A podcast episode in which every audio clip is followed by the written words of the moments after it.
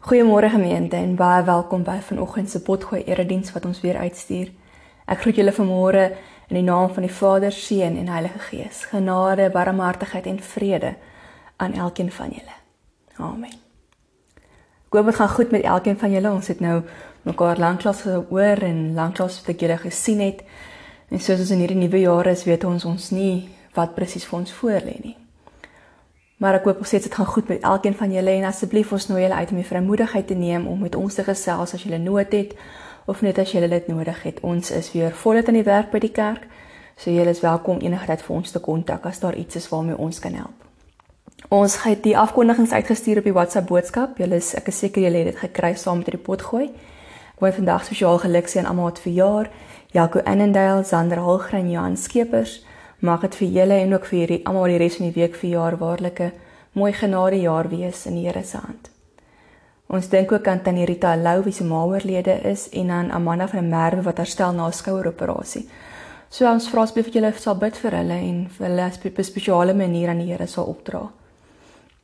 Julle sal sien op die afkondiging se staan ook aangedui oor die kategese registrasie. Volgens die kalender sou ons dit vandag gehad het, maar ons omstandighede laat dit nie toe nie. So, ehm um, ons herinner alle ouers om asseblief op die vorige boodskap in die skakel te reageer om julle kinders te registreer vir kategese sodat ons dit ook op 'n digitale platform kan kry. En dan in gemeente begin ons vandag met week van inspirasie soos julle sou gesien het op die SMS en op die kalender en so aan. Verlede jaar het ons ehm um, week van gebed se naam net verander na week van inspirasie.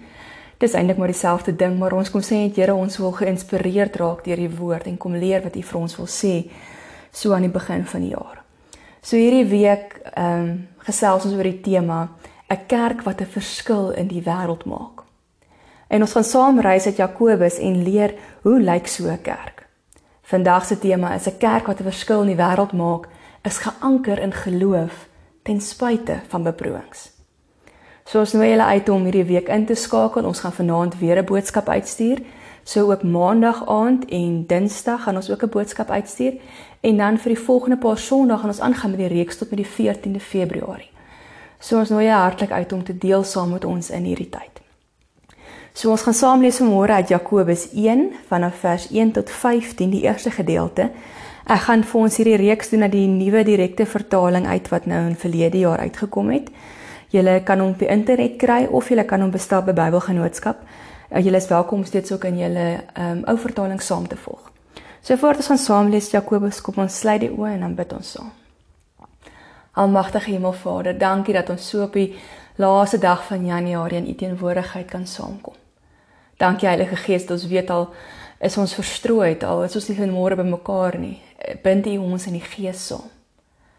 En Here, ons kom vra dat U vir ons in hierdie week en die paar weke wat voorlê, ons gees sal versterk, ons sal anker in geloof sodat ons 'n kerk kan wees, Here, wat in hierdie wêreld in ons eie dorp en in die lewens om ons en die mense wie ons aanraak, 'n verskil sal kom maak. Ons kom dra hierdie tyd aan U op, Here. Want ons weet ons kan nie sonder U die lewe aangaan nie. Ons kan nie sonder U kerk wees nie. Ons kom eer die Here vir die voorreg wat ons het om nog vandag hier te kan wees en om hierdie dag te kan begin, Here, in U naam en in U teenwoordigheid. Heilige Gees kom maak ook ons harte en ons gees oop sodat ons waarlik u woord kan hoor en kan indrink en ons sal toelaat Here dat u ons daardeur aanraak. Ons vra dit in u naam alleen, Jesus Christus. Amen. Ons gaan saam lees uit Jakobus 1 vanaf vers 1 af. Jakobus, 'n diensknegt van God en die Here Jesus Christus aan die 12 stamme in die diaspora Groete. Beskou dit as 'n groot vreugde my broers en susters wanneer allerlei beproewings julle oorval, omdat julle weet dat as julle geloof getoets word, dit volharding bewerkstellig. Maar julle volharding moet tot volledige ontwikkeling kom, sodat julle volmaak en sonder gebrek kan wees en in niks tekortskiet nie. As enigiemand van julle wysheid kortkom, laat hom dit van God vra, wat aan almal gee sonder voorbehou en sonder verwyte en dit sal aan hom gegee word. Maar hy moet in die geloof vra sonder om enigsins te twyfel. Want wie twyfel is soos 'n golf in die see wat deur die wind rondgeruk en voortgesleep word. Want so 'n mens dink nie dat hy enigiets van die Here sal ontvang nie. Hy is 'n weifelende mens, onbestendig in alles wat hy doen. Laat die onbeduidende broer in sy hoë aansien roem en die ryke in sy onbeduidendheid. Want soos 'n blom van die veld sal hy vergaan. Want die son met sy hitte kom op en verdor die veld en die blom val af en sy skoonheid gaan tot niet. Net so sal die ryke verwelk in alles wat hy doen. Geseënd is die man wat beproewing deurstaan, want as hy die toets deurstaan, sal hy die kroon van die lewe ontvang wat God beloof het aan hulle wat hom liefhet. Laat niemand wat versoek word sê ek word deur God versoek nie, want God kan nie deur die kwaad versoek word nie en self versoek hy niemand nie. Iemand, elkeen word versoek wanneer hy deur sy eie begeerte meegevoer en verlei word. Dan, wanneer die begeerte bevrug is, gee dit geboorte aan die sonde en wanneer die sonde volgroei is, gee dit geboorte aan die dood. Ons lees tot daar vandag. Na die brief van Jakobus is gerig soos ons gelees het in die eerste vers aan die 12 stamme van Israel wat in diaspora gebly het. Die diaspora was 'n manier om vir hulle om te beskryf dis die mense wat nie meer in Palestina gebly het nie, maar wat nou al versprei was oor in gebiede buite Palestina, buite die normaal. Wat sê dit kan amper wees as ons nou sê dis die mense wat meer in Suid-Afrika bly nie. Dis mense wat nou al wat ons ken wat nou al verder in die wêreld in versprei is. Maar hierdie brief leer ons baie van die uitdagings waarmee die gemeente gesukkel het. Ons sien hierso dat hulle allerlei beproewings en lydings deurgegaan het. Ons sien hier was 'n bietjie 'n krappigheid in die gemeente tussen ryk en arm. En hulle word heeltyd in hierdie brief sterk aangemoedig om hulle geloof in dade sigbaar te maak. In die tyd waarin ons vandag in die kerk wêreldwyd leef, begin ons dalk al hoe meer iets verstaan van hierdie beproewing en die lyding en die vervolging wat die vroeë kerk deurgegaan het. Verlede jare met die begin van die inperking het ons oorgeskakel na die elektroniese dienste wat ons nou vandag weer 'n keer het. Dit was vir ons vreemd, dit was ongemaklik. En dit het ons en ons het die samekomste wat van die gemeente, die kerkdienste, die Bybelstudies en al hierdie lekker goed wat ons altyd gedoen het, begin mis. Almal van ons het die beste probeer maak van die situasie en ons weet dit is nie hoe ons wil hê dit moet wees nie. Soos die jaar aangestap het, begin ek actually begin ek egte wonder oor 'n ding. Ek begin wonder of een van die gevolge van die jaar se inperking ook so kan wees dat ons gewoond geraak het, so gemaklik geraak het om eintlik by die huis te sit met 'n koppie koffie, dalk nie eers altyd in te skakel nie, dalk nie meer so veel moeite te doen met ons geloof nie. Dat ons ook in ons alledaagse lewe, ons uitlewing van wat dit beteken om gelowig te wees en om kerk te leef, dit ook al hoe minder geword het. En ek dink dit is waarmee Jakobus ons begin uitdaag hier in die begin van die jaar. Dis 'n harde en ongemaklike vraag om oor na te dink, maar waar is die kerk? Soos terugkyk oor die jaar wat verby is, waar was die kerk in die jaar wat verby is? Is ons nog sigbaar in die gemeenskap om ons? Lewe elkeen van ons wat vanmôre na hierdie boodskap luister, ons geloof nog op so 'n praktiese manier dat mense Jesus in ons lewens kan sien. Want vriende, die kerk is nie net waar ons eredienste hou nie. Dis nie waar ons Bybelstudies hou nie. Die kerk lewe en beweeg oral waar ons gelowiges sigbaar ons geloof lewe. Ons is die kerk. En in die tyd waarin ons leef, vra dit, vra hierdie tyd dat ons hierdie roeping om kerk te wees weer ernstig moet opneem. Die vroeë kerk waarvan ons nou vandag in Jakobus gelees het, het ook deur vervolging gegaan. Met tye kon hulle glad nie samekoms hou nie want hulle moes vir hulle lewens gevrees het. Hulle is verneder, hulle is uitgeperk, uitgebuit, hulle is ingeperk in hulle uitlewing van hulle geloof. Maar en dis die besonderste ding van die vroeë kerk. Ten spyte van dit alles, het hulle nie gekeer om hulle geloof te leer nie, te leef nie. En dis die les wat Jakobus kan leer. Net omdat die kerk se aktiwiteite anders is, dalk nie meer so moontlik is op presies om voort te gaan op presies dieselfde manier as wat dit voor vorige jare voorgegaan het nie. Beteken nie die kerk moet minder sigbaar wees nie. Inteendeel. Hoe meer die kerk ingeperk word, hoe meer ons onderdruk word, hoe meer moet ons sigbaar word. En wat 'n uitdaging is dit nie? Wat 'n geleentheid is dit nie? In Jakobus lees ons hoe wat iets tussen baie van die ander briewe in die Nuwe Testament ook sien dat beproewings en swaar kry en lyding ongelooflike geleenthede vir getuienis word. Dit word geleenthede waarin gelowiges weer hulle fokus op God kan kry en kan begin leef soos God ons vra. Dit word geleenthede waar ons kan hoop bring in 'n wêreld wat smag daarna. En daarom begin Jakobus hierdie brief met die opmerking hy sê: "Beskou dit as 'n groot vreugde wanneer beproewings oor julle pad kom." 'n Vreugde. Wanneer ons dink oor beproewings en swaar kry en lyding, dink ons verseker nie daaraan as 'n vreugde nie. Dis nie wat ons iets wat vir ons lekker is nie. Ons sien verseker nie daarna uit om swaar te kry en te ly nie. Want ons dink swaar kry en lyding bedreig ons lewens en bedreig ons geloof. Maar die Bybel praat soveel anders hieroor. Jakobus sê swaar kry en lydings en beproewing is 'n toets vir ons geloof.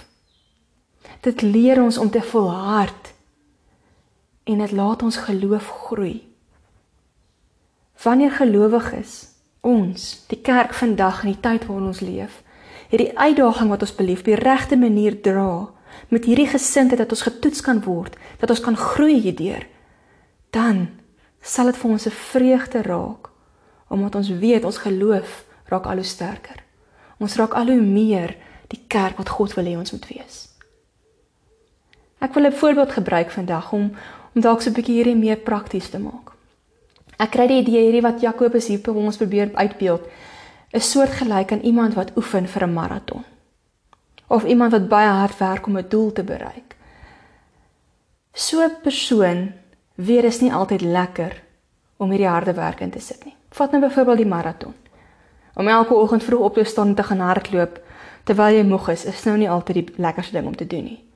Jy kry jou voete kry blaas, jou spiere pyn, jy is moeg. Maar soos jy oefen, beleef jy ook stukkie vir stukkie, dag vir dag, week vir week, maar jy kan 'n klein bietjie verder hardloop. Jy kan 'n klein bietjie meer uithou. Jy kom agter jou lyf raak al hoe sterker.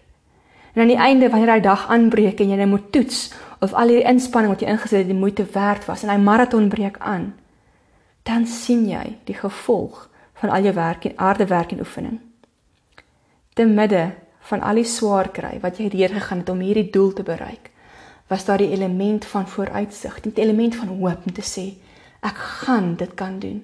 Ek gaan die uitkoms hiervan sien, ek gaan daardie maraton kan klaarmaak. So is dit ook met ons geloof en met wanneer ons swaar kry. Beproewings in ons lewens maak ons sterk sodat ons lewens weer vir God sal laat glimlag wanneer hy kom. Dit is waarna ons uitsien.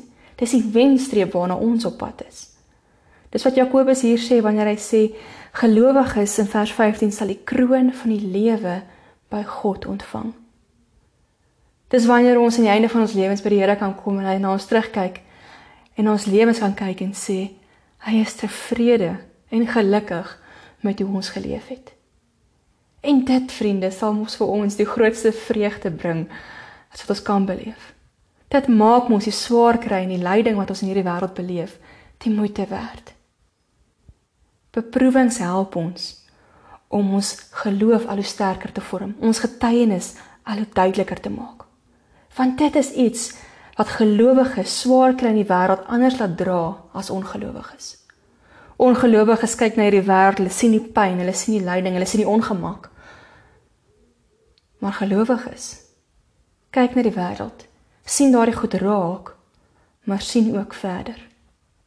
Ons oog is op die toekoms gerig, op God gerig, want ons weet God is groter as ons pyn. Hy is groter as ons uitdagings en hy is besig in hierdie wêreld vandag waar ons is. En dit gee ons hoop. Dit laat ons volhard, dit laat ons deurdruk ten spyte van enige uitdagings. En dit hierdie oog op God laat ons in hierdie wêreld anders leef sodat die kerk ten spyte van beproewings en uitdagings sigbaar 'n verskil in hierdie wêreld kan en moet maak. En dieselfde asem vriende is ons ook maar net mens. En ons mag dit ook vanmôre vir mekaar sê. Van ons menslike reaksie in tye van swaar kry kom ons ook nie altyd weg nie.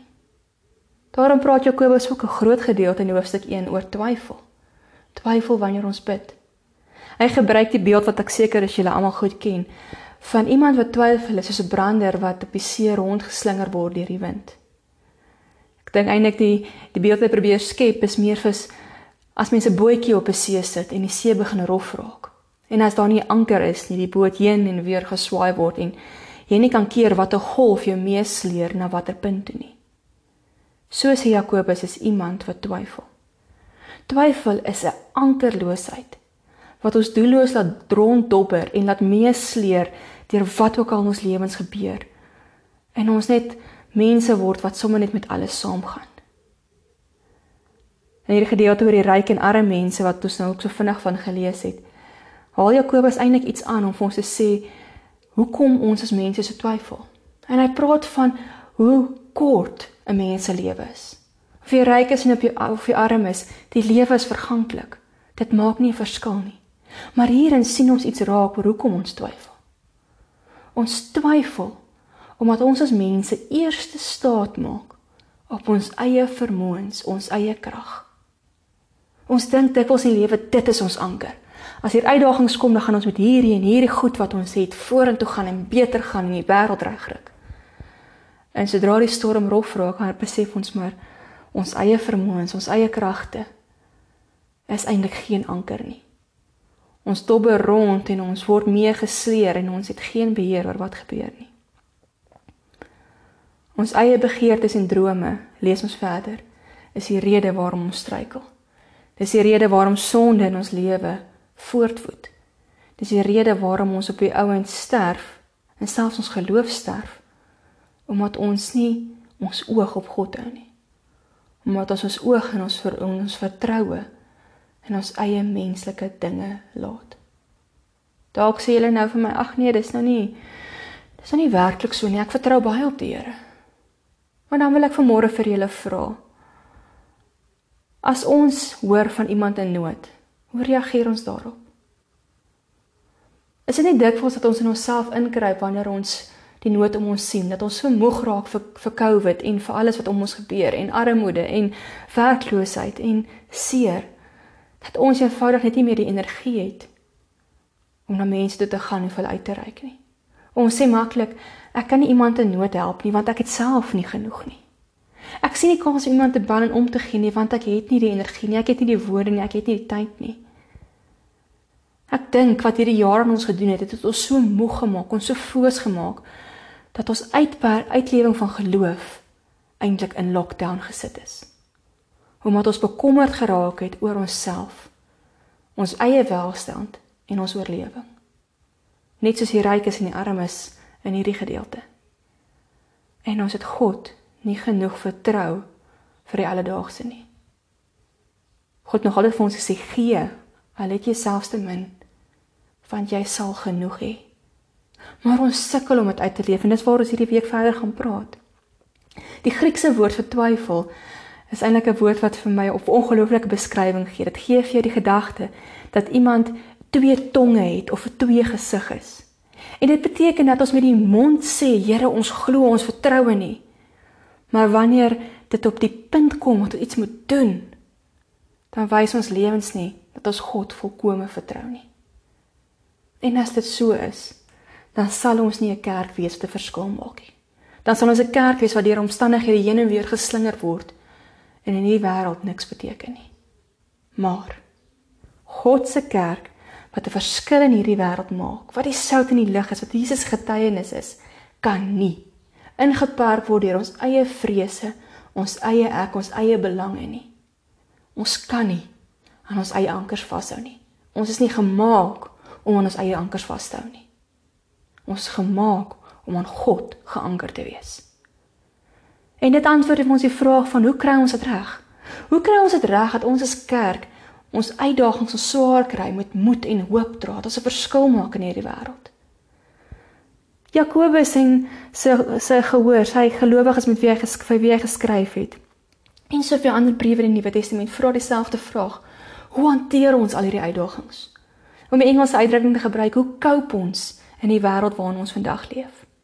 Hoe leef ons ons geloof wanneer alles wat vir ons bekend is van kerk wees al hoe meer onderdruk word? Wanneer ons nie meer Bybelstudies het nie, nie eredienste nie, nie programme het vir die laaste jaar nie. Ons weet nie Niemand van ons hoe kerk wees nou moet lyk nie. En dalk daarom omdat die bekendheid weggeraak het, het ons geloof in ons uitlewing al hoe stiller geraak. Maar selfs in die onbekende kan ons geanker wees in God. En daarom lees ons in Jakobus 'n wonderlike geskenk wat God vir ons gee om te help in hierdie tyd. In vers 5 lees ons: As iemand wysheid kort kom, moet hulle dit van God vra en God sal aan almal gee sonder voorbehou en sonder verwyd. Wat 'n wonderlike vers. Die manier hoe ons die uitdagings van die lewe hanteer, en ek is seker ons doen dit ook so, maar is om volkome na God te gaan in elke oomblik. Ons kry as te ware hierdie uitnodiging om in tye van beproewing, pens en pootjies voluit in God se omhelsing in te hardloop. Vir hom te gaan vra vir wysheid, vir raad, vir krag. Swaar kry, bring gelowiges op 'n besondere manier in gesprek met God.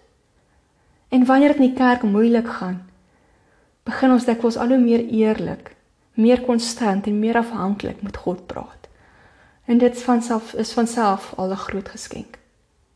En kyk hoe besonder beskryf Jakobus hoe God hierdie gebede antwoord. Hy sê God gee aan almal.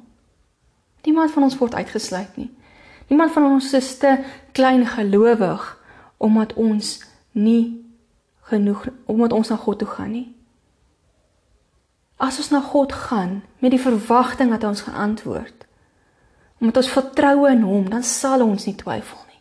Dan sal God gee aan elkeen van ons. God gee vir ons sonder voorbehou.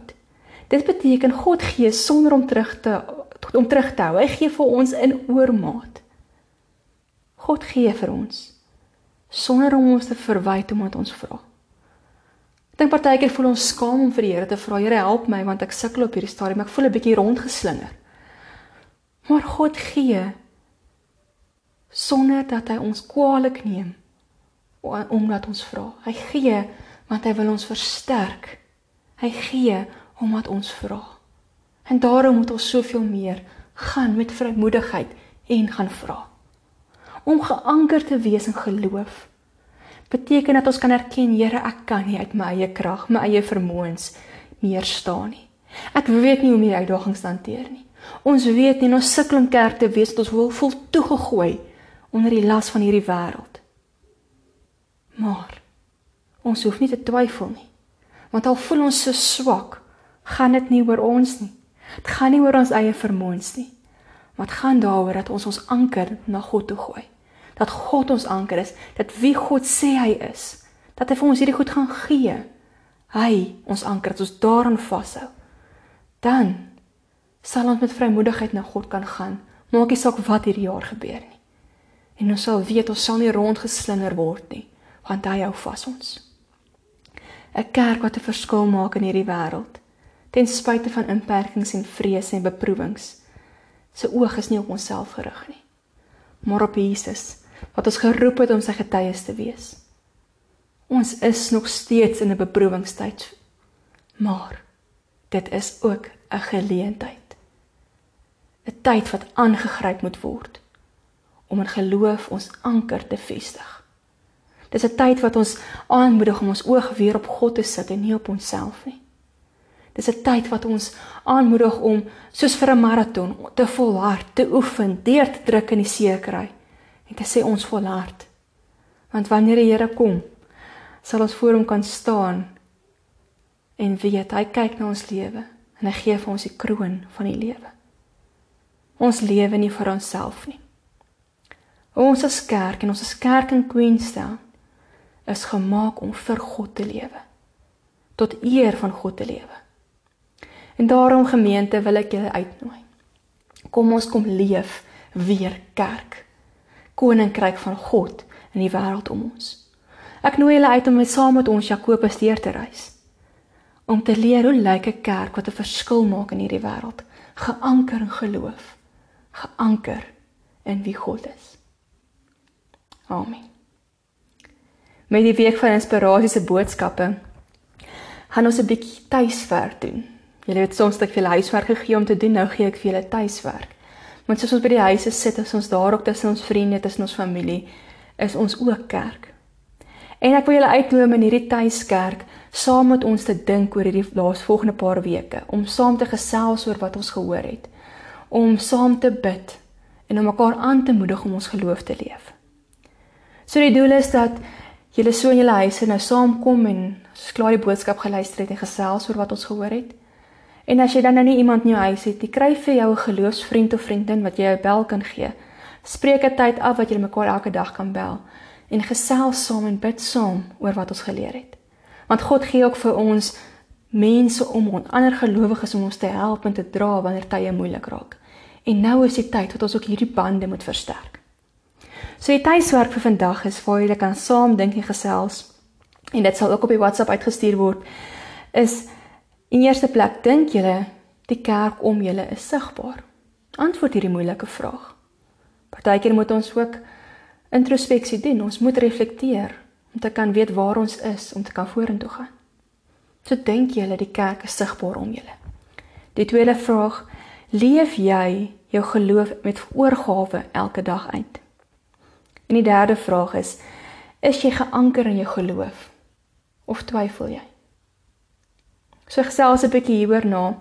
En dan die opdrag vir die week is kom ry saam met ons en verbind jou daaraan om elke dag hierdie boodskappe te luister. Verbind jou daaraan om elke dag ook prakties te leef dit wat ons hoor. En dan vra ek julle om saam te bid as julle klaar is, klaar gesels het oor die volgende 3 punte. Gesels eerlik en opreg met die Here oor jou eie geloof en vertroue in hom.